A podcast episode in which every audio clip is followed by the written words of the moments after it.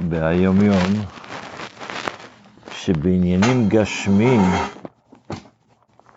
צריך להסתכל במישהו למטה ממנו, ולהודות להשם יתברך כי טוב על החסד שעשה עמו. אני יותר טוב מהבן אדם השני.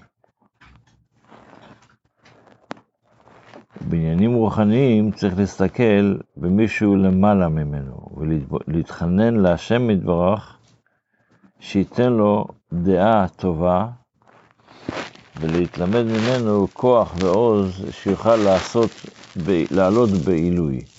זאת אומרת, ב...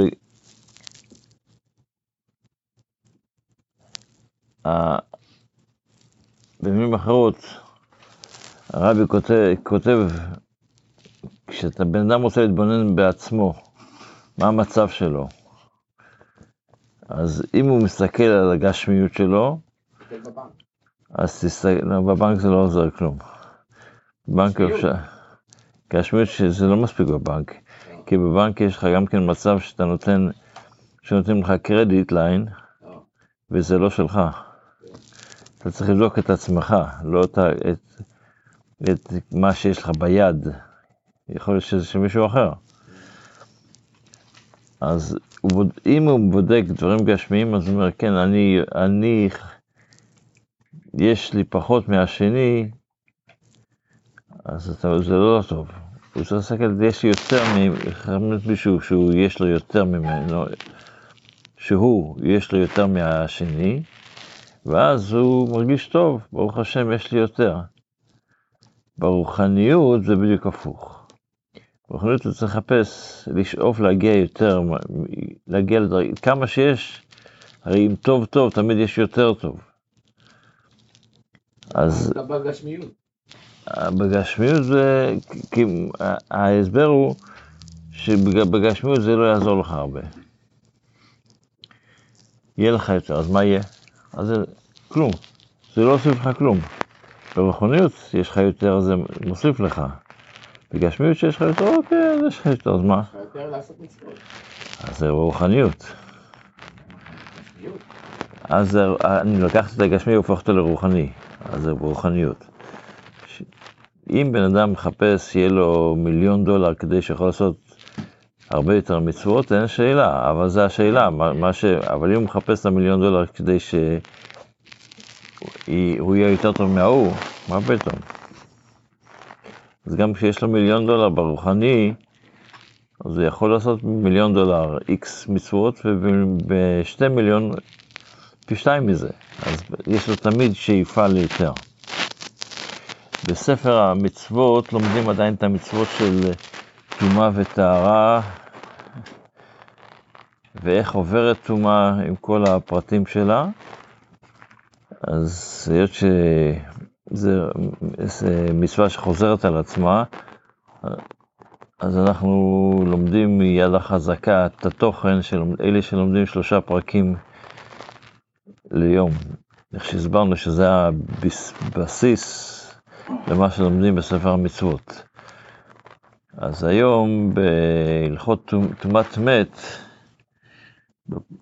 יש שלוש, אלה שלומדים שלוש פרקים ליום, לומדים איך, איך, מתי עוברת הטומאה ומתי לא עוברת אותה. זה נושא שאנחנו לומדים עליו כבר כמה ימים. וכמה, ו, וזה בהרבה אופציות. אחת האופציות המעניינות שלומדים היום, זה יכול לעבור דרך כלי. האם כוורת זה כלי? כוורת של דבורים.